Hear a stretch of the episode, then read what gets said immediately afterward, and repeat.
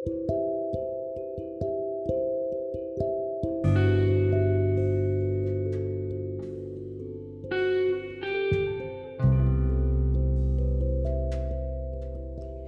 selamat pagi Bapak Ibu Saudara yang terkasih. Pagi hari ini kembali kita akan merenungkan firman Tuhan. Mari kita berdoa. Bapak di surga terima kasih buat kebaikanmu, penyertaanmu sepanjang malam. Hingga pagi hari ini ya Tuhan, kami boleh bangun dengan tubuh yang diberkati dan kami akan kembali untuk merenungkan firman Tuhan sebelum kami melanjutkan setiap aktivitas kami. Berbicaralah bagi kami Demi nama Tuhan Yesus Kristus. Amin. Puji Tuhan Bapak Ibu, pada pagi hari ini renungan kita sudah masuk di dalam kitab Amsal. Nah, Bapak Ibu, kitab Amsal ini secara keseluruhan merupakan kitab yang membimbing setiap kita para pembacanya untuk hidup di dalam kebijaksanaan ya. Hidup disiplin, hidup berpengetahuan, dan hidup di dalam kebenaran. Nah, renungan kita pagi hari ini terambil dalam pas Amsal pasal yang pertama. Dalam pasal 1 terbagi dalam tiga perikop. Dalam perikop pertama yaitu dalam ayat 1 sampai 7 LAI memberi judul yaitu tujuan Amsal ini. Nah, saya akan membacakan bagi kita sekalian ayat 1 Amsal Amsal Salomo bin Daud Raja Israel untuk mengetahui hikmat dan didikan untuk mengerti kata-kata yang bermakna untuk menerima didikan yang menjadikan pandai serta kebenaran keadilan dan kejujuran untuk memberikan kecerdasan kepada orang yang tidak berpengalaman dan pengetahuan serta kebijaksanaan kepada orang muda Baiklah orang bijak mendengar dan menambah ilmu, dan baiklah orang yang berpengertian memperoleh, memperoleh bahan pertimbangan untuk mengerti amsal dan ibarat perkataan dan teka-teki orang bijak. Takut akan Tuhan adalah permulaan pengetahuan, tetapi orang bodoh menghina hikmat dan didikan. Amin.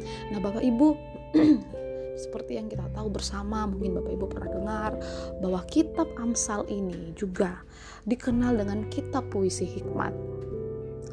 Melalui kata-kata bijak yang ditulis dalam bentuk syair, peribahasa, ya juga ada pernyataan-pernyataan pengajaran. Nah, di sini penulis seolah-olah mendesak pembacanya agar memiliki hikmat di dalam seluruh aspek hidup dan Bapak Ibu Saudara, takut akan Tuhan adalah tema dari seluruh tulisan kitab Amsal dan merupakan awal dari hidup berhikmat. Nah, tentunya Bapak Ibu Saudara, kata takut ini bukan berarti perasaan ngeri atau perasaan seram, tetapi lebih menunjukkan sikap hormat, menjunjung tinggi ya, menundukkan diri pada kedaulatan Allah dan menaati perintah-perintah Tuhan, saudara-saudara. Nah, Tuhan adalah sumber hikmat tertinggi dan ilahi. Karena itu setiap orang perlu datang kepada sang sumber hikmat itu yaitu Tuhan dan memperoleh hikmat daripadanya. Setiap manusia harus mengakui bahwa segala kepandaian dan kemampuan yang ada pada dirinya itu berasal dari Allah sumber hikmat saudara-saudara. Jadi jangan menganggap bahwa pengetahuan yang kita miliki ya kecakapan kebijaksanaan itu karena diri kita sendiri. Tidak saudara-saudara. Siapa pun yang mau datang Bapak Ibu untuk memperoleh hikmat daripada Tuhan dia akan memiliki hidup bijaksana dia akan memiliki moral yang tinggi dan hidupnya akan selaras dengan kehendak Tuhan saja. Tentunya Bapak Ibu, hikmat ini berawal dari kemampuan untuk melihat dan mendengarkan. Nah, pada waktu Salomo, yaitu penulis kitab Amsal ini, dia ketika diangkat menjadi raja, dia berdoa. Dalam satu Raja-Raja 3 ayat 9 berkata, Berikanlah kepada hambamu ini hati yang paham. Nah kata paham di sini berasal dari akar kata mendengar tetapi bukan asal mendengar saudara-saudara, melainkan mendengarkan dengan penuh perhatian. Dan orang yang bodoh atau tidak berhikmat itu dikatakan dia tidak bersedia mendengarkan siapa pun termasuk Tuhan. Jadi orang yang tidak mendengarkan Tuhan, sang sumber hikmat adalah orang yang tidak takut kepada Tuhan.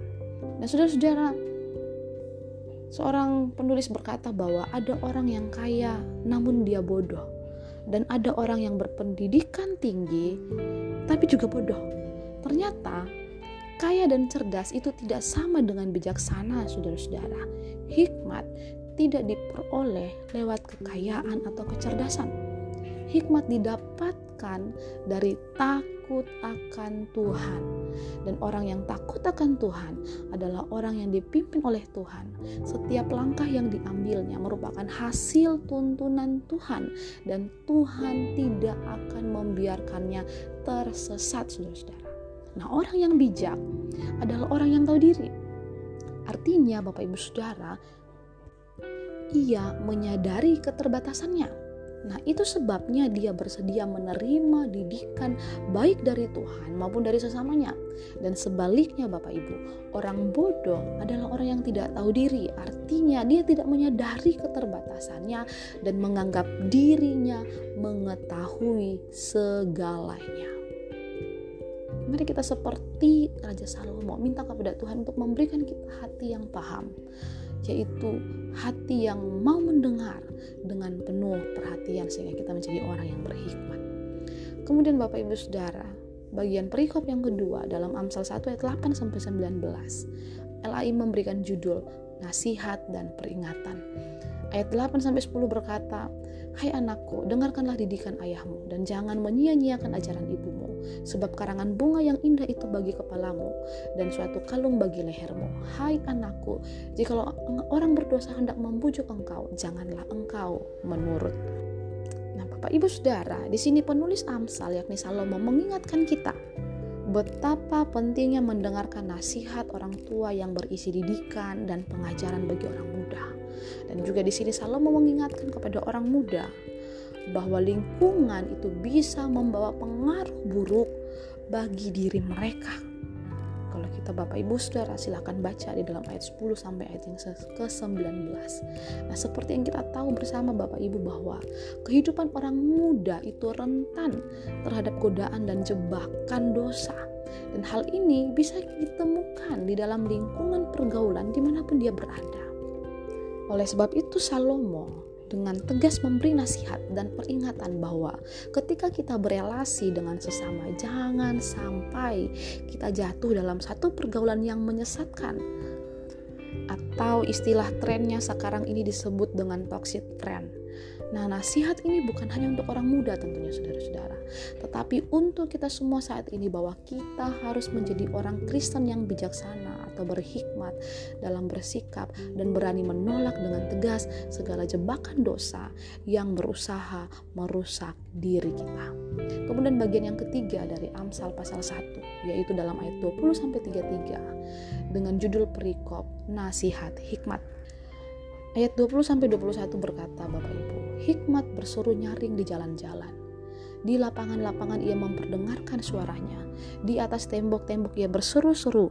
Di depan pintu-pintu gerbang kota ia mengucapkan kata-katanya. Nah, Bapak Ibu hikmat digambarkan penulis oleh penulis Amsal ini seperti seorang yang berteriak memanggil siapa saja yang ditemuinya.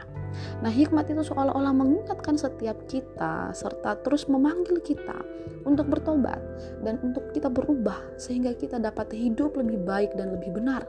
Ingat saudara-saudara bahwa Tuhan sang sumber hikmat itu ingin mengajar dan selalu menyatakan kebenarannya Nah, memang Bapak Ibu Saudara pada kenyataannya banyak orang yang menolak dan mengeraskan hati. Namun pagi hari ini melalui firman Tuhan mengingatkan kita, mari kita menjadi pribadi yang benar-benar membutuhkan hikmat itu di mana saja. Jangan menjadi orang bebal dan merasa kita tidak perlu tuntunan Tuhan oleh karena merasa diri kita mampu dengan pikiran kita sendiri. Jangan kita merasa diri mampu untuk mengatur jalan hidup kita sendiri tanpa, tutun, tanpa tuntunan Tuhan, sebab itu hanya akan membawa kita pada kebinasaan. Ayat 32 berkata, sebab orang yang tak berpengalaman akan dibunuh oleh keengganannya, dan orang bebal akan dibinasakan oleh kelalaiannya. Tapi Bapak Ibu Saudara, mari kita belajar taat dan takut akan Tuhan sehingga perlindungan Tuhan menjadi bagian kita. Ayat yang ke-33 berkata, tetapi siapa yang mendengarkan aku, ia akan tinggal dengan aman, terlindung daripada kedahsyatan malapetaka. Amin. Demikianlah renungan kita pada pagi hari ini Bapak Ibu. Tuhan Yesus memberkati.